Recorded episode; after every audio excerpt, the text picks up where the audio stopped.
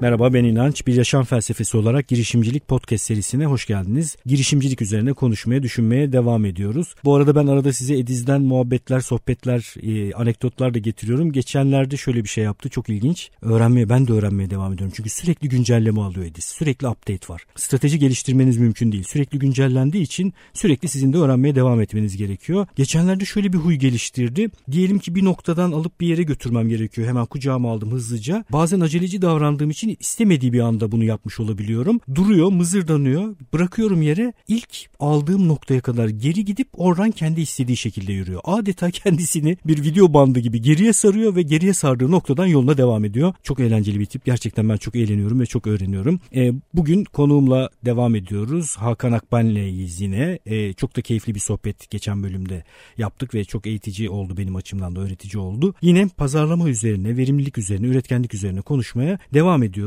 Sorular geliyor arada. E, o sorulardan da arada ben bir takım seçtiğim soruları e, soracağım. Bir tane soruyla başlayayım. Merhaba Hakan bu arada tekrar. Merhaba İnanç. Hemen bir soruyla başlıyorum. İsim vermeyeceğim. izin almadım çünkü. Bir tane Instagram'dan bir mesaj gönderdi birisi bana ve uzunca da yazmış. Demiş ki hatta ilk podcast'in yani dinledim podcast'inizi ve bunu yazdım. Normalde ben çok mükemmeliyetçi bir insan olduğum için bunu eve gidip e-posta olarak yazıp üzerinde böyle düşünüp düşünüp imlasını, e, yazımını, dilini düzeltip bir türlü gönderemezdim. Şimdi hemen Instagram'dan yazıyorum demiş ve mükemmeliyetçiyim. Böyle bir sıkıntım var demiş. Bunun üzerine ne dersin Hakan? Sen verimlilik, üretkenlik ve insanın değer üretmesi üzerine de çok düşünen, okuyan bir insansın. Mükemmeliyetçiyim ve bir şeyler yapamıyorum diyenlere ne dersin? Benim de söyleyeceklerim var tabii ama önce sen. Evet süper. Ya bir kere kaygı ne abi? Yani mesela mükemmelliyetçisin. Yapamadın, mükemmel olmadığı iş olmadığı zaman o iş neyi kaybedeceğini düşünüyorsun. Bence buraya bir inmek lazım. En kötü ne olabilir ki? Evet. Ya, Rezil mi olacaksın? Çok, arada çok sorarım biliyor musun? Yani en fazla ne olabilir yani en nihayetinde? Bir de şöyle bir durum var. Yani her geçen gün yeni bir güne doğuyoruz. Her gün değişiyoruz. E, geçmişte bir hata yapmış olabiliriz. E, yarın o hata bizim yüzümüze vurulduğunda ya dün dündü bugün bugün diyebilmeliyiz belki bazen. Evet evet ben de aynı fikirdeyim.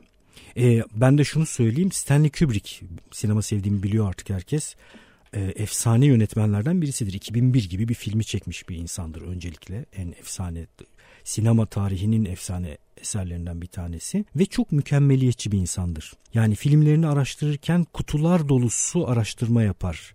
İşte Eyes Wide Shut'ı çekerken Tom Cruise ve Nicole Kidman'ı büyük ihtimalle Londra'ya çağırıp çekmişti mesela. Kendisi mekan değiştirmek istemediği için film Amerika'da geçtiği halde.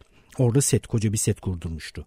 Ee, Kubrick bazı filmlerinin arasına 8-10 sene gibi zamanlar girmiştir çok mükemmeliyetçi olduğu için.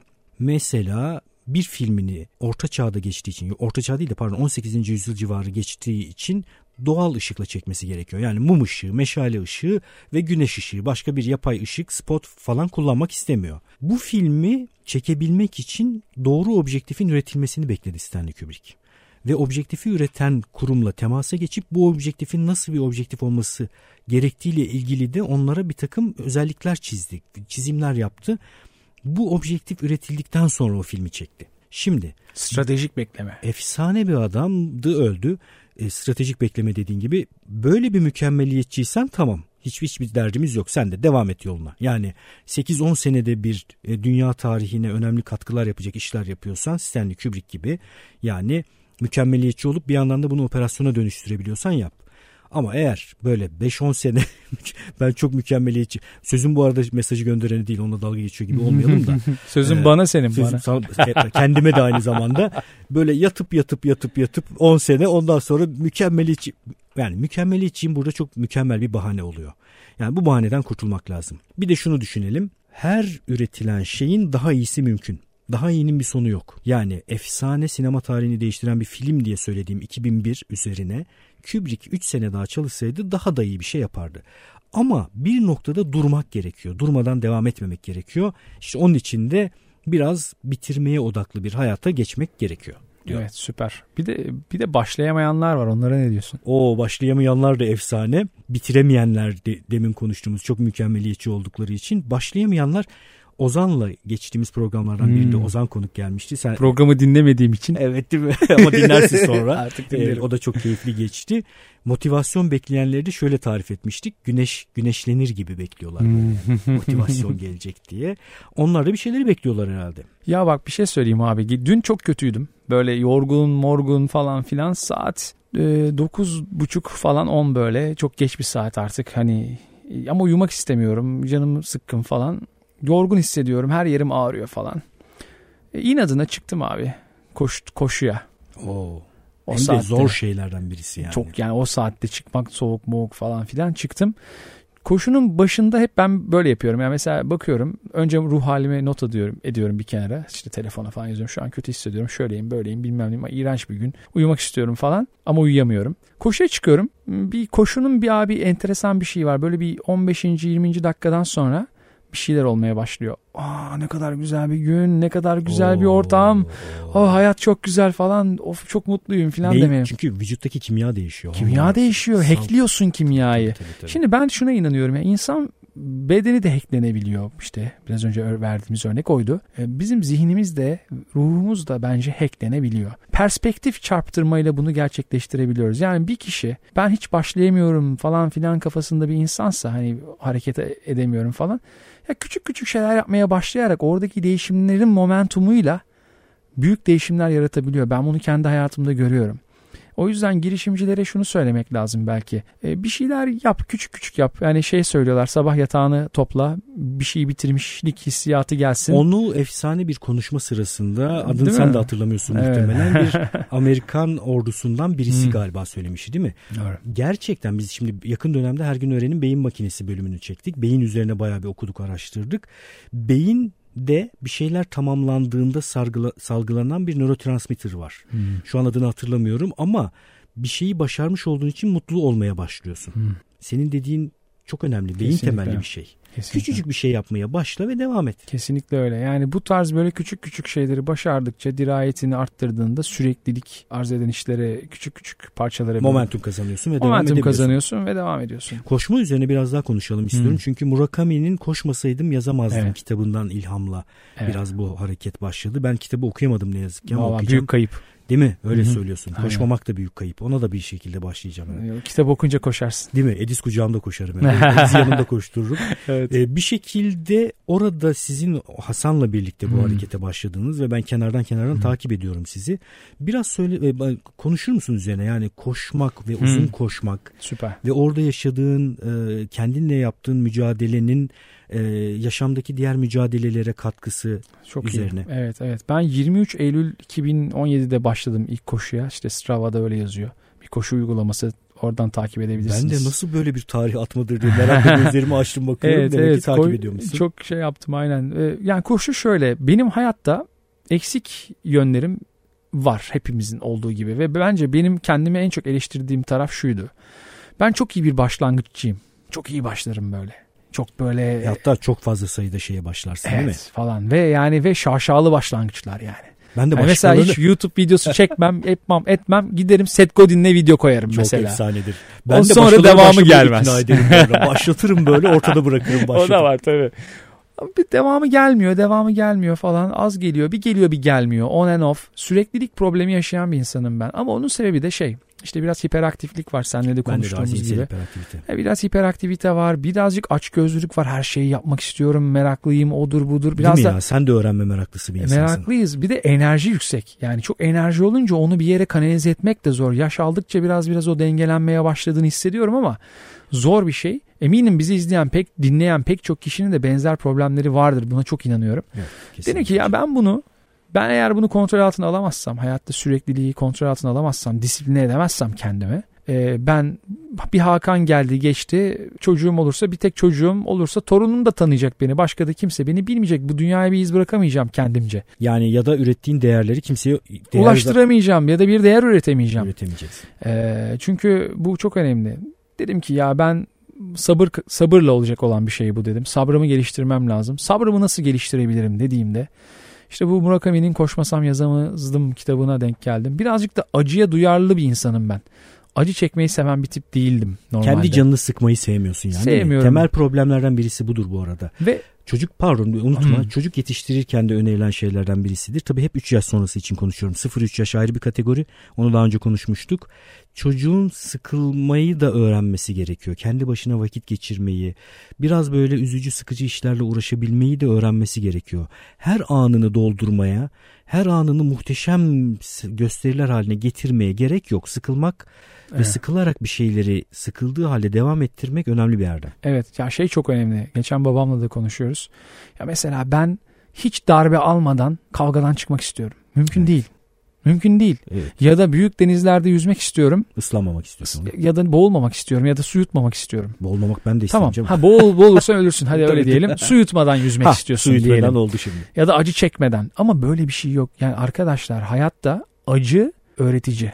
Aa kitapta Ee, bir söz vardı değil mi? Pain is inevitable, suffering is optional. Yani diyor ki acı kaçınılmaz ama ızdırap çekmek ihtiyari yani kişiye bağlı. Yani sen acı çekiyor olabilirsin ama o acıyı zihninde büyütmek, o acıdan dertlenmek, kederlenmek ve onu büyütmek, büyütmek, büyütmek ya da büyütmemek senin elinde Bir diyor. şey söyleyeceğim Hakan. Geçtiğimiz programlarda e, dinleyenlere anlatmıştım.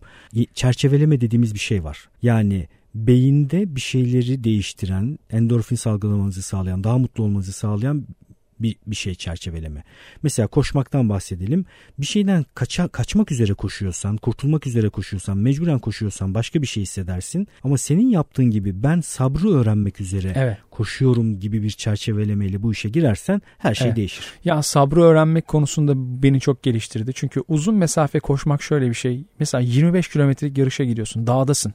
Düşünemem bile 5000'i tamamlayamadım şimdiye kadar. Yani şöyle söyleyeyim 25 kilometre e, gidiyorsun dağdasın oradan seni o ormandan o dağdan çıkartacak tek şey senin bacakların senin sabrın ve kuvvetin. Helikopterle falan mı atıyorlar Hakan seni? o kadar değil. Öyle değil tabii ama yani kimse seni kurtarmaz yani Evet. ne bileyim araçla araçla girecekler öyle sarp yerler var ki o araç da Ha, girmiyor. sen baya baya yani kurt... O yani ormanlarda Tamamlaman şeyler, lazım Tabii diyorsun, tabii, tabii. tamamlaman lazım. Ya da bırakacaksın geri döneceksin ya da yürüyerek saatler sürecek falan ekipler seni bulacak filan.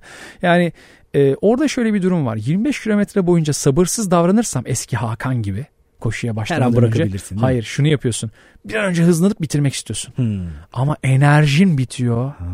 Ve Zaten o zaman mümkün değil teknik olarak. o zaman da işi yarım bırakıyorsun abi çıkıyorsun. Doğru.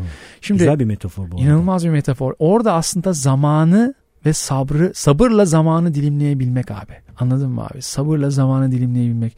Yani öyle bir hızda koşacaksın ki Bu ne koşu- kendini çok yoracaksın Çok güzel. ne e, ne de e, sabırsızlığına yenik düşüp e, bırakacaksın yarışı. Yani koşunun tamamı ödül değil. Tamamı bitirmek süreç değil. abi. Süreç. Süreç süreç. Dolayısıyla bitirme ufukta olacak o Evet. bitirme kısmı ama aradaki bazı kısımlarda bayağı rutin böyle. Çok, çok güzel bir laf var abi. Taner Damcı diye bir e, profesör e, çölü koşarak geçmiş bir doktor kendisi. Diyor ki iki tane yarışmacı var diyor. Bir ön saflarda birbiriyle yarışanlar. Evet. Bir de arkada kendiyle yarışan diyor. Of çok güzel Aa, söylemiş ya. müthiş bir şey Çok ve bence Ben o arkada olmayı tercih ederim. abi o arkadaki zaten işin felsefesini seven adam arkada olma o arkadaki adamı çok farklı görüyor. Yani ya Instagram hesabımda paylaştığım bir tane video var benim. Ya onu kesinlikle arkadaşlar baksınlar. Bence girişimcilikle de çok alakalı olabilir. Ee, bir arkadaşlar İznik'te biz koşuya katıldık yarışmaya. 140 kilometre koşan Yakın arkadaşlar oldu. Yakın şey. dönemde geçen cumartesi 140 kilometre koşan arkadaş oldu. 140 kilometre 140 koşuyor. kilometre mi? 24 saat sürüyor yarış. Ve son 50 kilometresinde ona eşlik etmek için hiçbir e, forması şey olmadan hani yarış misyonu olmadan yani ne bileyim göğüs numarası vesaire olmadan son 50 kilometre ona destek olan kahvaltısını hazırlayan bilmem ne olan ve onunla koşan bir arkadaş vardı. Hmm. Finish çizgisine beraber geldiler. O da çok beni duygulandıran bir şey var onu yazdım. Refakatçi koşucu diyor ki hadi diyor sen artık bitir diyor. Ben görevimi tamamladım diyor. Öteki 140 kilometre koşan adamın hali yok. Hayır beraber beraber diye bağırıyor. O an refakatçi arkadaşımızın yüzündeki ifade o da benim ikisi de benim arkadaşım. Öyle bir gülümseme bir mutluluk var ki takdir edilme hissi. Çok güzel. Abi koşu e, ve çevresindeki o ekosistem, duygusal, felsefi, e, zihinsel ve stratejik bakış açısı beni çok geliştiriyor. Mesela koşarken yemek stratejisi, e, arazi stratejisi. Ondan sonra bir gün önce nasıl hazırlanacaksın? Nasıl bir hazırlık sürecinden geçeceksin? Koşu öyle bir şey ki uzun Ay- mesafe tamamı koşu. hayat sınavı gibi değil mi? Tamamen hayat gibi ya. Yani inanılmaz bir şey. Beni inanılmaz yeni bakış açıları kazandırdı bana. Kazandırmaya devam ediyor. Çok tavsiye ederim arkadaşlar. İlla koşu olacak değil ama kendinize uygun, felsefi derinliği de olan sizi kendinize tanımanızı sağlayacak ve mümkünse birazcık da fiziksel acı çektirecek bir iş yapın abi. Çok güzel. Çok önemli. Burada tabii e, bir takım öneriler de getirelim ezbere gidilmesin. Çünkü koşuya başlayıp kendini sakatlayanlar oluyor. Tabii tabii. Sağlık Kötü- kontrolü. Sağlık kontrolü bir de kötü ekipmanla bu işi yapmamak Evet. gerekiyor. Onu da deneyimledim zamanında. Yani Evet. marka verebiliyor muyum? Verebiliyoruz bildiğim Tamam, kadarıyla. süper. Hiçbir çıkarımız Mesela yok zaten. Nike Air Max- Max'ler var ya tamamı full Air taban falan. Böyle havalı havalı dünya para. O ayakkabılarla ben koşmaya kalktım. Dizlerimi sakatladım. Sonra Kötü bir reklam yaptım. onunla Nike Air- koşmayayım falan. şeyi düzeltsin. Nike Air Max bu şeyi düzeltsin. Ondan sonra Hakan'a bir Nike Air Yok Max. öyle bir şey değil. Nike Air Max koşu ayakkabısı değil. Ben Ha, şimdi tamam. Nike Zoom 2 diye Pegasus diye bir o ayakkabıyla koşuyorum. Zoom Ah, Pegasus 32 mesela müthiş. Ee, yani şunu demeye çalışıyorum. Ee, her ayakkabının araziye uyumluluğu var. Yastıklaması farklı bilmem. Onun da bir bilimi var ya. Uygunluk diye bir şey var. Tabii canım. kere. Tabii. Yani e, yüzme ayakkabısıyla koşmaya kalkarsan. Yüzme ayakkabısı mı? Öyle bir şey. Abi coştun sen. yüzme ya bir dakika hani yüzmeye giderken Surf diyelim hadi. Surf olsun. ayakkabısı olsun. bence yüzme ayakkabısı da olabilir. Yüzmeye giderken kuma kadar gidiyorsun. Podcast'te şu an böyle tap yaptığı nokta. kumda, Bölümün. kumda çıkarıyorsun yani. kumda çıkarıp gidiyorsun. Olur, olabilir. Abi grand finale yaptın galiba. Zaman doldu mu? Bırakmam gerekiyor galiba. Yok hayır onu daha bırakmıyorum senin daha sorularım var. Süper, Mesela süper. bir soruya geçeyim hemen bu Ha. arada. Tabii. Ee, Melih Örnek baş sormuş bu soruyu. Başka sorular da sormuş ama bütün Hı. soruları e, birden Melih de almayacağız. ö- öğrencimizdir. Aa Evet, tanıyorsun evet, Melih'i. tanıyorum, Aa, ha. tamam Hasan'ın da öğrencisi Evet, Melih. evet, evet. Ee, kendisine selamlar gönderiyoruz buradan. Hasan da bu arada konuk olarak katılacak podcast'e yakın dönemde. Ona da selam gönderiyoruz buradan. Ürün hizmet pazarlaması farkı nedir diye sormuş Hmm. Melih. Sen farkı pazarlama açısından ele al ama ben önce bir ürün hizmet farkını Çok güzel olur. anlatayım. Bir dönem üzerine düşündüğüm şeylerden bir tanesidir bu. Hizmet e, şöyle bir farklılığı var üründen.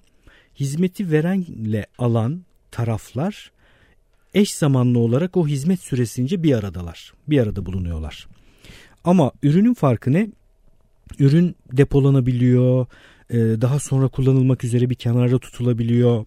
Ürünü sağlayanla ürünü kullanan kişi ürünün kullanımı sırasında aynı mekanda ve aynı şartlarda bir arada bulunmak zorunda değil. Dolayısıyla ürün ayrı bir kategori. E, hizmete örnek ne verebiliriz? Hizmet örneği mesela ma- masaj bir hizmet.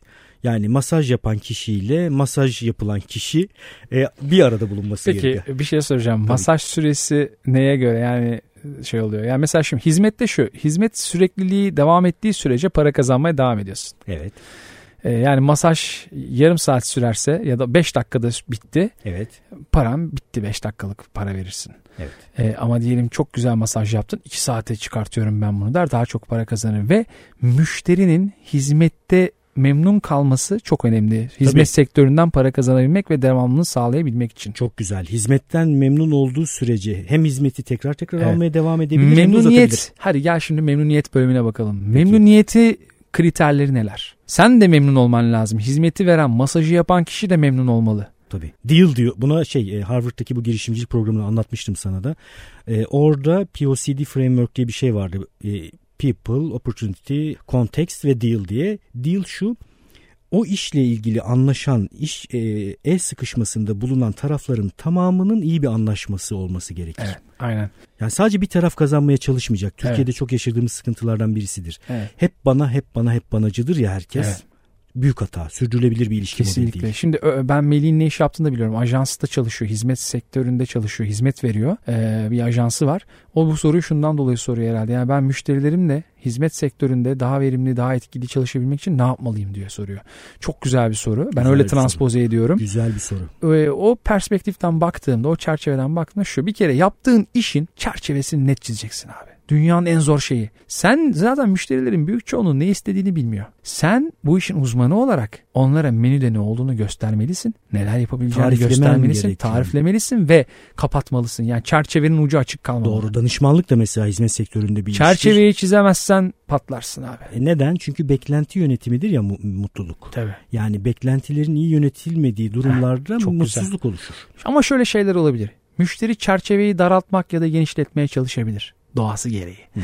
Tabii karşılıklı bir şey içerisinde. Sen ara ara birazcık yanaktan makas verirsin müşteriye. Hı hı. Ama her zaman makas almak artık yetmiyor. Orana burana mıncıklıyor. o zaman problem var. metaforlar, metaforlar. o zaman dersin ki arkadaşım biz yani. Bir sakin ol ya değil mi? Sakin Arkadaşım ol dersin. Makası Namus her şey dersin. Niye makas alıyorsun bir kere Bırakırsın. benden? Makas da alma zaten. Makas alır ya. Makas alsın tamam. Hizmet sektöründeysen makas alır diyorsun. Şimdi danışmanlık tipi işlerde, hizmetin geçerli olduğu işlerde ben de buna katılıyorum. Tariflemek ve so- soyut kalan bir takım şeyleri somut hale getirmek, Bravo. e, çerçeve çizmek, kapsam belirlemek, proje yönetiminde de önemlidir. Mesela kapsam diye ayrı bir bölüm vardır proje planında. Kapsamı doğru belirlemediğin zaman taraflar mutsuz bir e, hayata doğru yol alırlar. Onun için önemli. Hı hı. Peki bir şey daha son bir soruyla kapatalım e, Tamamdır. bu, bu programı bugünü de. B2B, B2C ayrımı var. B2C işte e, İngilizce başlıklardan business to customer, B2B business to business. Yani bir tanesi doğrudan müşteriye, bireysel müşteriye perakende B2C. Diğeri ise kurumlarla kurumlar arasındaki e, bir takım ticari ilişkiler. Doğru. Bu ikisinin pazarlamaları farklı olsa gerek. Burada nasıl bir fark ortaya koyarsın? Yani diyelim ki benim bir girişimim var ve doğrudan kurumlara iş yapmaya çalışıyorum. Ya da bir girişimim var, bir uygulamam var. Doğrudan kullanıcıya uygulamalarımı indirtmeye çalışıyorum, satmaya çalışıyorum. Evet. Ya da işte ne bileyim bir dükkanım var, ayakkabı satmaya çalışıyorum Hı hı. gibi. Ya ben orada şöyle Bir bakıyorum. ayrım koyuyor musun ya da öyle sorayım. Muhakkak bir ayrım var ama şöyle taktiksel bazda bir ayrım var ama stratejiler bence aynı. Yine her şeyin odağında müşteri ve müşteri personası var. Sen consumer'a yani son tüketiciye yönelik bir ürün yaptığında senin müşterinin satın almacı kimliğiyle konuşuyorsun. Tamam. B2B'de bir iş yaptığında da yine o organizmanın B2B'deki o şirketin içerisindeki organizmanın satın almacı kimliğiyle konuşuyorsun. Yani satın alma müdürüyle ya da karar vericisi, genel müdür mü, finans müdürü mü, kimse kim. Dolayısıyla e, ben temel e, stratejilerin farklı olmadığını düşünüyorum ama taktiksel bazda bir takım farklılıklar olduğunu düşünüyorum. Örnek vermek gerekirse consumer'a yaptığım bir işte dinamikler farklı. Daha hacimli bir satış yapman gerekebilir. Çünkü hani Mecralar da farklı. Mecralar farklı vesaire. Consumer'da e, kitleleri daha böyle bir bir araya getiriyorsun. işte farklı farklı segmente ediyorsun. B2B'de yine bir segmentasyon var ama taktiksel bazda farklı ama strateji aynı. Strateji şu. Senin müşterin kim? Müşterinin satın alma personasını, o alt kimliğini sen ne kadar iyi tanıyorsun? O alt kimliğinin beklentileri senin ürününün vaatleriyle buluşuyor mu? Çok güzel. B2B biraz karmaşık bir iş olduğu için hem satışta da öyle. Complex sales diye B2B için ayrı bir kategori var. Kompleks satış kategorisi. Hı hı. Ee, pazarlamada da belki onların satın alma yolculuğunu da iyi anlayıp Tabii. o satın alma yolculuğundaki belli noktalara uygun mesajları Evet. ya da mecraları kullanmak gerekir. Yani öyle bir ürün yapacaksın ki ürününün vaatleri müşterilerin beklentilerini karşılayacak. İlişkilerin temel e, prensibidir. Karşılıklı beklentiler devam ettiği sürece ilişki devam eder. beklentiler ve karşılanmaları Tabii yani ölçüde devam karşılık ediyor. pardon yanlış söyledim. Karşılıklı beklentiler birbirini tatmin ettiği sürece ilişki devam eder. Çok güzel. Ben yanlış anlamışım ama güzel olmuş an- yanlış anlamam. Hem bunun karşılanması devam etmeli hem de beklenti de devam etmeli. Yani senden ümidini kesmemeli ilişki sahibi. Tabii o kesinlikle o zaten onu kestim mi ipini Bitti. bitti. Son bekler.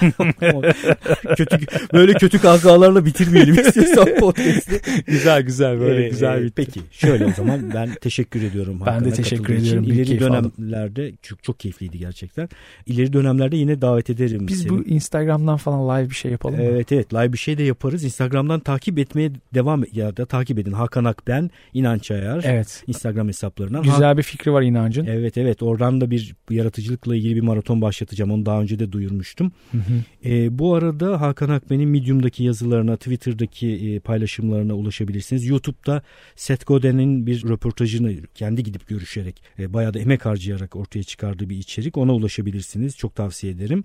Takip etmeye devam edebilirsiniz. Bu geçtiğimiz iki programla ilgili, Hakan Akben'le yaptığınız programla ilgili sorularınız varsa daha sonra ele almak üzere soru sorabilirsiniz. E, inançetfikritesisat.com'a yazabilirsiniz. inançayar.com podcast sekmesinden adı geçen kişilere, kitaplara ulaşabilirsiniz. Ee, Instagram hesabını daha önce takip etmediyseniz İnanç Ayar'ın Instagram hesabını takip edin. İnançayar.com'dan ulaşabilirsiniz. Orada yakın bir dönemde 90 günlük bir maraton başlatacağım. İşte aktüelle değil de potansiyelle uğraşmak üzerine işte günlük belki bir dakikalık videolarla bir takım görevler, ödevler ver- vermeye çalışacağım kendime de size de. Görüşmek üzere diyelim bu programı da bitirelim.